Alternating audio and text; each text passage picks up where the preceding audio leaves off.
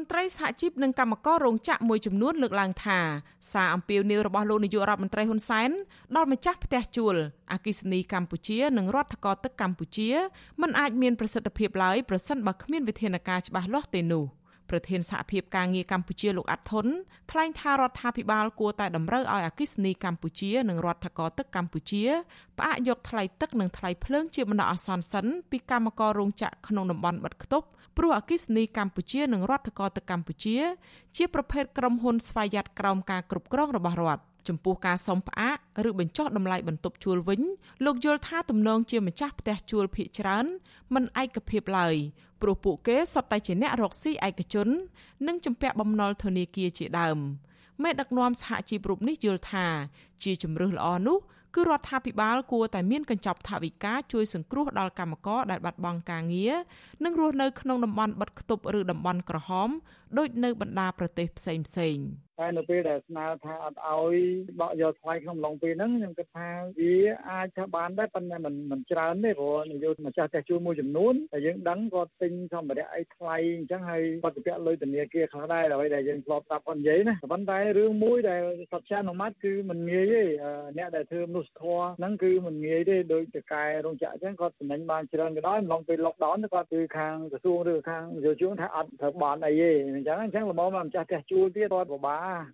កម្មករនីរោងចក្រមួយរូបរស់នៅបន្ទប់ជួលស្ថិតនៅក្នុងតំបន់ក្រហមនៅសង្កាត់ស្ទឹងមានជ័យ2លោកស្រីហៀងសាំងម៉េងរៀបរាប់ថាសារអំពាវនាវរបស់លោកនាយករដ្ឋមន្ត្រីហ៊ុនសែនគ្រាន់តែធ្វើឲ្យល្អមើលតែប៉ុណ្ណោះมันអាចជួយដោះស្រាយទុក្ខលំបាករបស់កម្មករបានឡើយកម្មករនីដែលមានកូនខ្ចីរូបនេះត្អូញត្អែថាលោកស្រីនិងកម្មករផ្សេងទៀតនៅតែបង់ថ្លៃបន្ទប់ជួល និងថ្លៃទឹកថ្លៃភ្លើងក្នុងតម្លៃពេញពេញជារៀងរាល់ខែដដែលដោយគ្មានការលើកលែងឡើយបើទោះបីជាពួកគាត់ជាប់ចតាលិស័កនិងបាត់បង់ការងារក៏ដោយនិយាយរួមទៅសម្រាប់ខ្ញុំគឺមិនអាចទេចាព្រោះគាត់ក៏ពិបាកដែរគាត់មានបញ្ហាខែមួយខែគាត់បង់គេណាគាត់មានកូនត្រូវចិញ្ចឹមត្រូវអីទៀតដែរអញ្ចឹងណាចាអញ្ចឹងគឺមិនអាចទេតាមខ្ញុំ គិតវិញគឺបើតាមតែគាត់និយាយថាអូថ្លៃនេះផ្អាកថ្លៃនោះផ្អាកគឺខ្ញុំគិតថាគ្មានប្រសិទ្ធភាពទេបើមិនមានប្រសិទ្ធភាពគាត់គួរតែឧបត្ថម្ភជាប្រាក់ឬក៏ស្បៀងអាហារគឺវាល្អជាងអាហ្នឹងយើងបានលុយបានរបស់មកដល់ដៃយើងសំណុកយើងចាត់ចែងផ្ទាល់ហ្មងណាបើតាមតែគាត់ថាអញ្ចឹងគឺមិនងាយទេ20ម្ចាស់ផ្ទះអីមានតែម្នាក់ពីរនាក់ឯតែគេអនុគ្រោះក្រៅហ្នឹងគឺកម្រនិយាយទៅគឺវាកម្រហ្មងបងដឹងស្រាប់ហើយមេសហជីពនិងកម្មករលើកឡើងបែបនេះក្រោយពេលលោកនាយករដ្ឋមន្ត្រីហ៊ុនសែនបង្ហោះសារជាសម្លេងជិត30នាទីនៅព្រឹកថ្ងៃទី8ខែឧសភាដោយទទូចជាថ្មីទៀតសូមឲ្យម្ចាស់ផ្ទះជួលបញ្ចុះតម្លៃឬផ្អាកយកថ្លៃបន្ទប់ជួលពីកម្មករកម្មការនីនៅតំបន់បិទគប់ទន្ទឹមនឹងគ្នានេះលោកហ៊ុនសែនក៏បានស្នើសុំឲ្យអគិសនីកម្ពុជានិងរដ្ឋកោទឹកស្វយ័តក្រុងភ្នំពេញពិចារណាពិនិត្យលទ្ធភាពជួយសម្រួលថ្លៃធម្មពលអគិសនី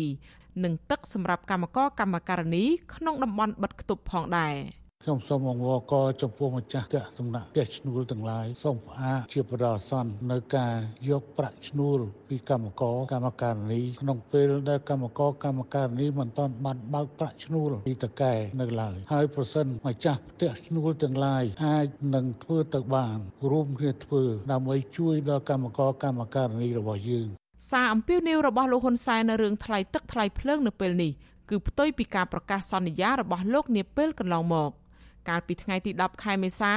លោកហ៊ុនសែនបានសន្យាថារដ្ឋនឹងជួយចេញថ្លៃទឹកថ្លៃភ្លើងដល់គ្រួសារអ្នកស្លាប់និងអ្នកឆ្លងជំងឺ Covid-19 រយៈពេល3ទៅ5ខែចំពោះពលរដ្ឋដែលជាប់ធ្វើចតាលិស័កនិងរស់នៅក្នុងតំបន់បិទខ្ទប់វិញរដ្ឋនឹងជួយបង់ថ្លៃទឹកថ្លៃភ្លើងរយៈពេល2ខែព្រមទាំងជួយថវិកា30ម៉ឺនរៀលនិងស្បៀងអាហារជាដើម។ មិនបានប្រមាណថ្ងៃផងរដ្ឋាភិបាលបានប្រកាសបដូរពីការផ្ដល់លុយ30ម៉ឺនរៀលទៅជាផ្ដល់ស្បៀងអាហារជំនួសវិញលើសពីនេះទៀតអគិសនីកម្ពុជានៅតែទាមទារឲ្យពលរដ្ឋក្នុងតំបន់បិទគប់ត្រូវទូទាត់ថ្លៃភ្លើងតាមរយៈធនាគារឬតាមទីតាំងបង់ប្រាក់ណាមួយដែលនៅជិតបំផុតចំណែកពលរដ្ឋមួយចំនួនវិញពួកគាត់បានផ្ទុះការតវ៉ាដោយសារមិនទទួលបានជំនួយពីអាជ្ញាធរទាន់ពេលវេលា។ ម្ចាស់ផ្ទះជួលក្នុងតំបន់លឿងទុំនៅឯខណ្ឌពោធិ៍សែនជ័យលោកស្រីខុតស្រីអូនថ្លែងថា ដោយសារក្តីអាណិតចំពោះកម្មករដែលបាត់បង់ការងារធ្វើនោះលោកស្រីបានសម្រេចបញ្ចុះថ្លៃបន្ទប់ជួលចំនួន50%លោកស្រីបន្តថាលោកស្រីមិនអាចផ្អាកយកថ្លៃបន្ទប់ជួលទាំងស្រុងបានឡើយព្រោះលោកស្រីកំពុងតែជាប់បំណុលគ្រឹះស្ថានមីក្រូហិរញ្ញវត្ថុ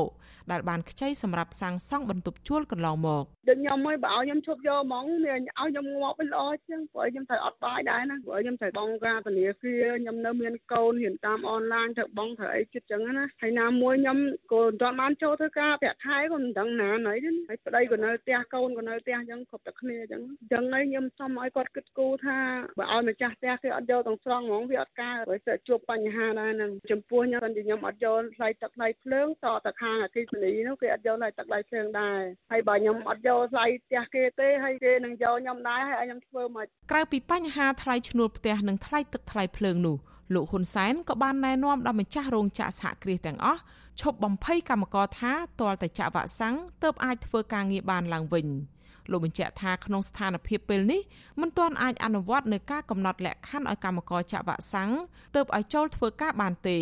ព្រោះកម្ពុជា នៅមិនទាន់មានវ៉ាក់សាំងបង្ការជំងឺ Covid-19 គ្រប់គ្រាន់នៅឡើយ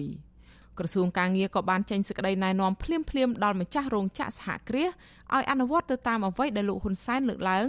ហើយមន្ត្រីក្រសួងនឹងចោះធ្វើអធិការកិច្ចចំពោះរឿងនេះម្យ៉ាងវិញទៀតក្រសួងណែនាំដល់ម្ចាស់រោងចក្រសហគ្រាសឲ្យចាប់ផ្ដើមបើកប្រាក់ឈ្នួលសម្រាប់ខែមេសាចំនួន